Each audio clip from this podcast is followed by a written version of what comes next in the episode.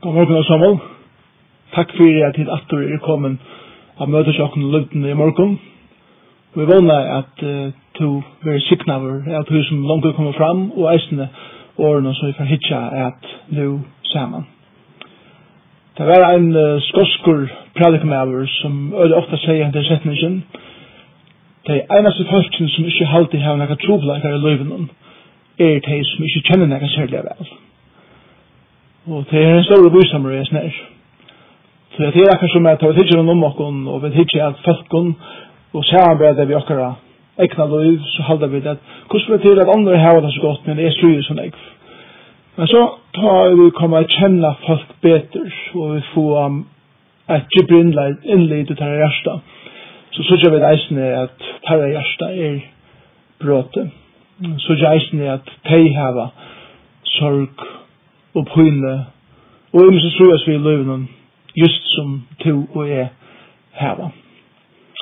Og jeg håper om at her at uh, det er viktig at, at minnes til at vi som mennesker, lukka mykje hver, hver vi der og hver kommer fra, så er vi i samme bate, og det er etter at vi heva negg fra strujas vi i løvene.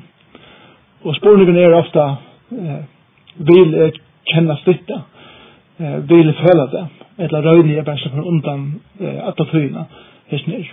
Huk som foreldre at en barn som kanskje hever bråtet her i hjertet. Jeg husker om en kjønnafelle som er svitjen av hinn Jeg husker om bøten til foreldre som på en måte har ventet en bætje. Jeg husker om familjer som er ferner knus og bøtene har mist sin bøtene sin tryggleika. Uh, I hessen døvun så er det kanskje flere som eisne heva mist eller bensin fyrir a mista sitt arbeid. Det bryter hva gjørst og eisne. Vi hugsa om personer, en person eller personer som har finnst ringbå fra lakna. At her er ønsken vogn om grøying. Det skaper en naturlig øfteløyven og fyrir framtiden. Vi hugsa om mennesker som er misnytt og imenskan hatt i løven og føler en djupa skam er til sammen. Vi husker om, om folk som strøyast vi alkohol og uh, nurslo av øren som ikke bare legger til hei, men eisne hever store avvarskan og alle familiene rundt om det eisne. Og så husker om mennesker som hever øtta og engest, hjertesorg, brosne dreymar og nekve er strøyast ved ulven. Og, og, og to, jeg sikkert du føler det samme som er her, at ja, vi er jo ødt i samme baten. Og spørningen er reisende at hva gjør vi vi hvis vi slutter avgjøringer? Det er rett som er ofte hukse om da jeg helt som en ekne løyve er til at ui nekvene her som er nevne her er ikke beileis fysisk hjelp Og så mener vi at på en brud beinet, så videre vet ja, om seks viker så er beinet eh, lekt atter. Men en brud i hjertet, eh, en brud i målen, tigger ofte nekk langer enn seks viker at er brud atter, og er en leng, leng, pinfull prosess. Jeg også eisen om en del spørsmål som, som jeg ofte har, ta og i mine drømmer besta, eller jeg har i, i hvis jeg synes vi i mine liv, så er det akkur som god, hva er jeg regner ikke alt så vel som jeg kan, og man føler at det er slæg av åretvis ved måte seg selv.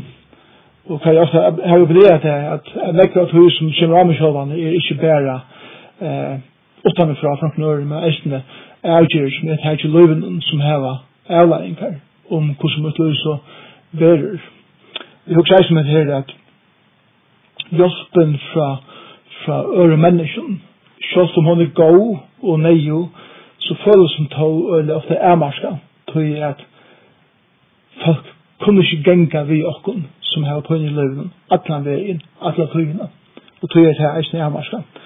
Jeg husker eisne med her hodhelse som vi ofte høyra at tøyen leter ødelsar, som er halde at hei som veli hava svar i løven, kunne sija at det passar i behøver ikke. Tøyen leter ikke ødelsar, tøyen føles ofte at det blir verre, vi håndene. Og særlig hvis det ikke var rett vidtjørst, så, så blir prøynene av svaren vi er ved her.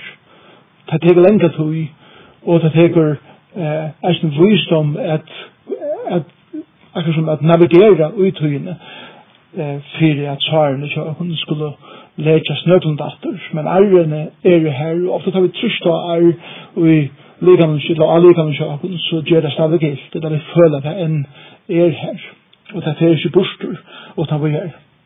um, et annet er reisen til at vi vil ikke bare sært ene fyr vi vil være sært atter og atter og i løyven og et annet som vi husker om eisen er at her at um, ofta uh, halda vi det om til andre som ser kun så ser du det at hei her det fullt. men her kommer det atter til det som er skorske prædikemæveren eh, lærte jeg kun at Det er disse folk som ikke alltid har noen troblager løven, er de som ikke kjenner hva særlig vel.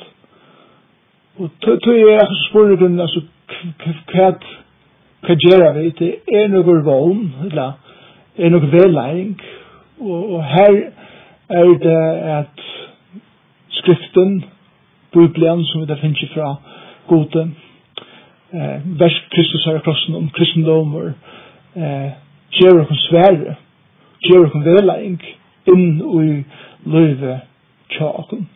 Så er det det som er bensje fyrir veldig ofte er det at kristendommeren verer skreft boaver, særlig på det verur tale inn i trobler omstøver i okkara løyven. Til dømes eh, kristendommeren er ikke at kom til Jesus, så skal ditt løyv nok være lagt jeg vet ikke hva det kommer fra, men jeg vet at det er ordentlig prædika. Men det er ikke det som kristendommen lærer. At livet skal være lagt hvis du kommer til Jesus. Et annet som kristendommen heller ikke er at du skal se slippe undan trobeleikon og mågångt og skandalen og sorgeløven. Det passer heller ikke.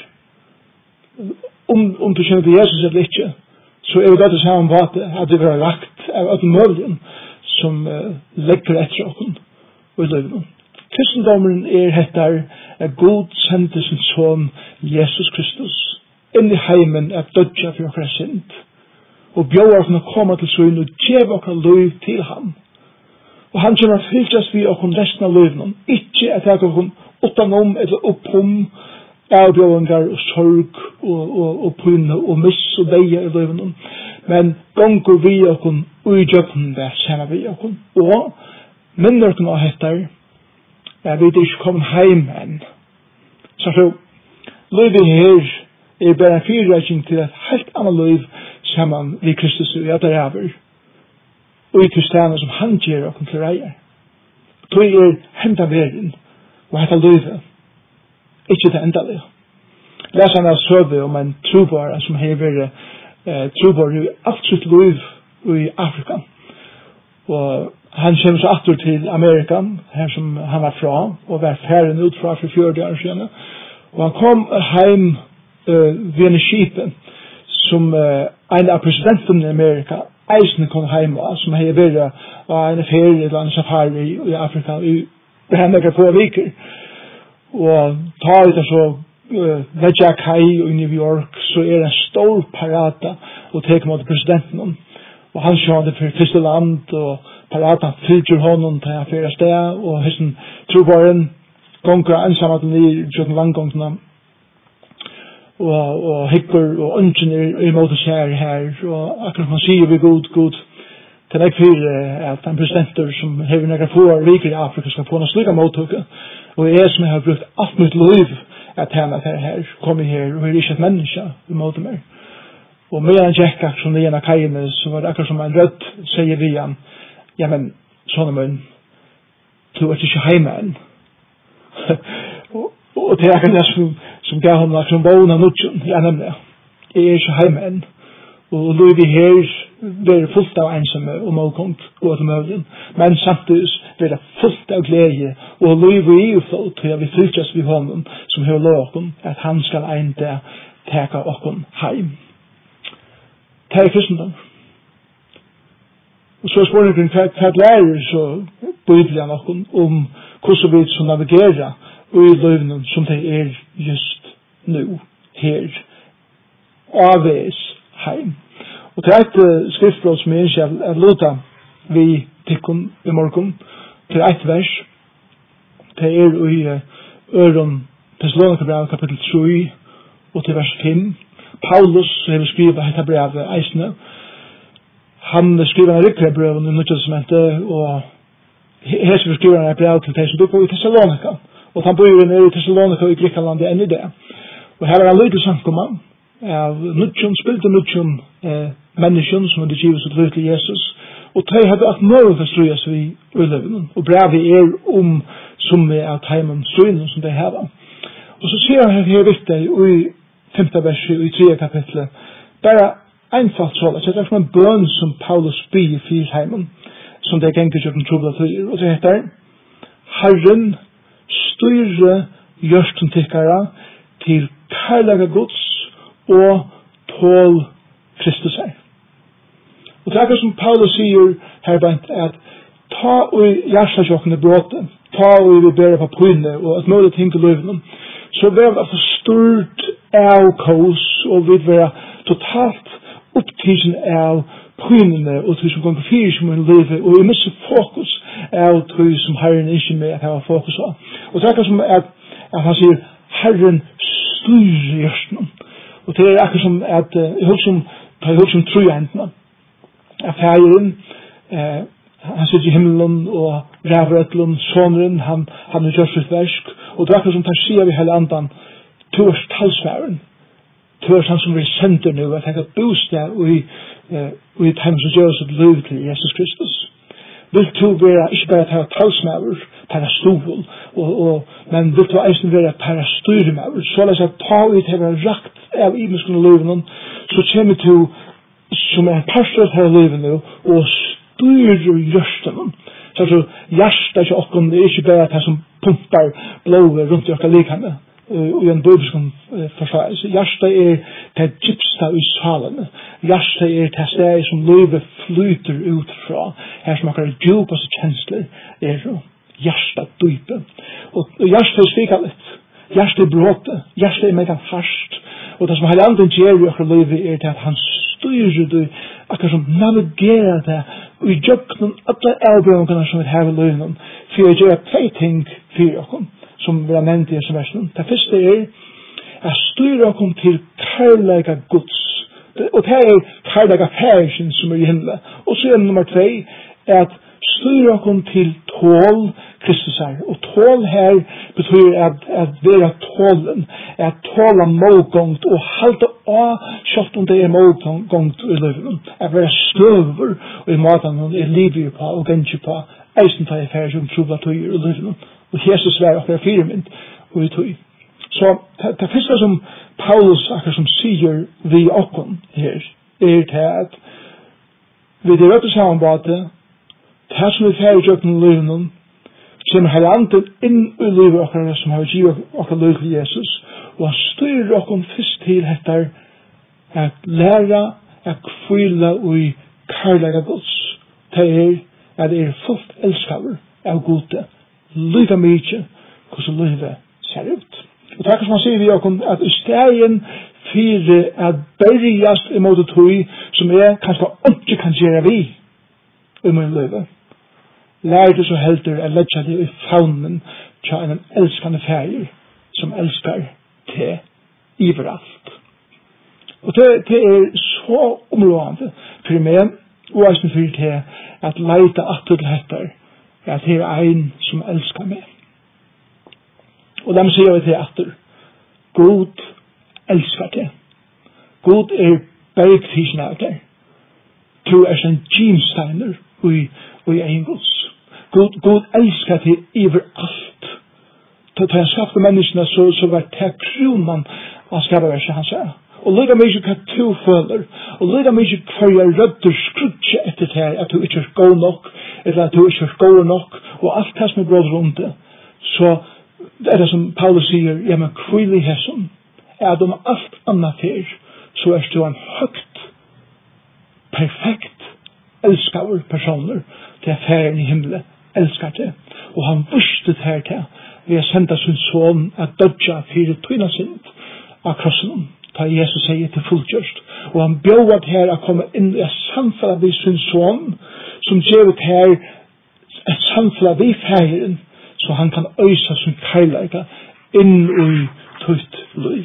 Her er også om luknelse som Jesus fortalte om den elskande ferien, vi vet ikke hva langt han luknelse for den burselse soneren, men faktisk er den rette heite for den luknelse, den elskande ferien.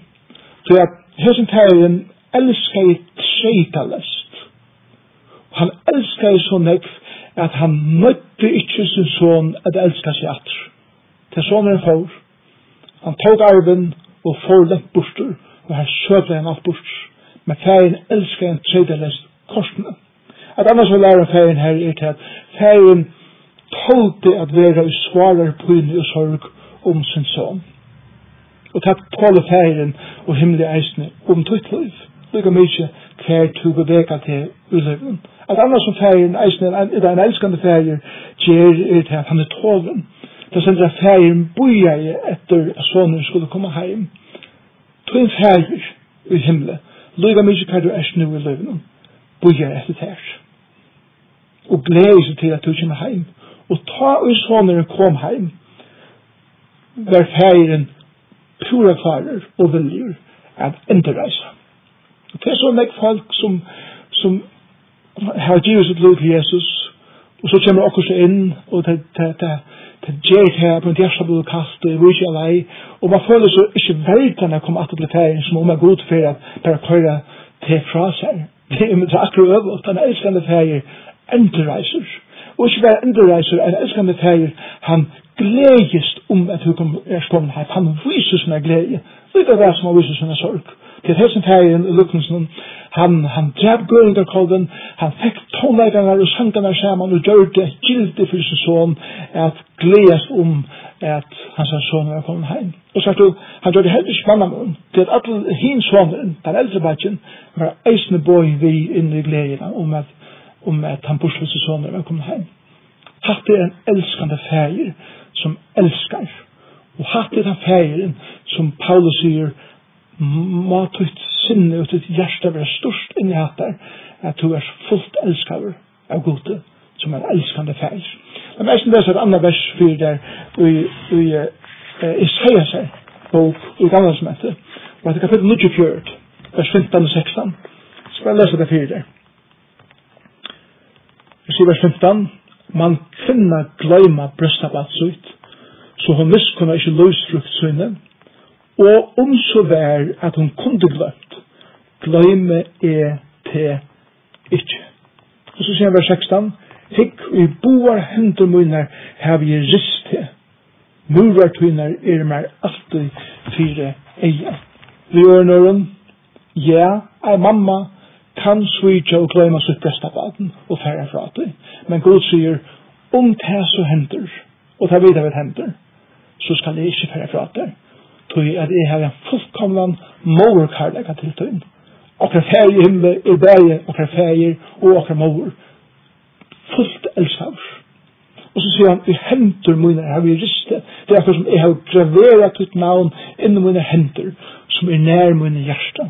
Så dyra bærer, er to, og i egen gods og i tøyen ta i livet rundt noen leikere av så er det her som har anden styrer okken inn tog jeg til ting som vi ikke kunne gjøre vi okken løyve så leiter vi inn i barmen av herren og mørkja er vi til borren i hans herre karlæka. og det andre som han så sier er til at hva herren eisne styrer gjørsten tikkara til tål Kristus herre Og det er som at, at han sier, Fyrst lærer du at kvila i barmen og færingen og vite at du er elskaver. Det her gjør det her så orskna og styrkina til at halda av. Og det er det som vi lærer om Jesus Kristus.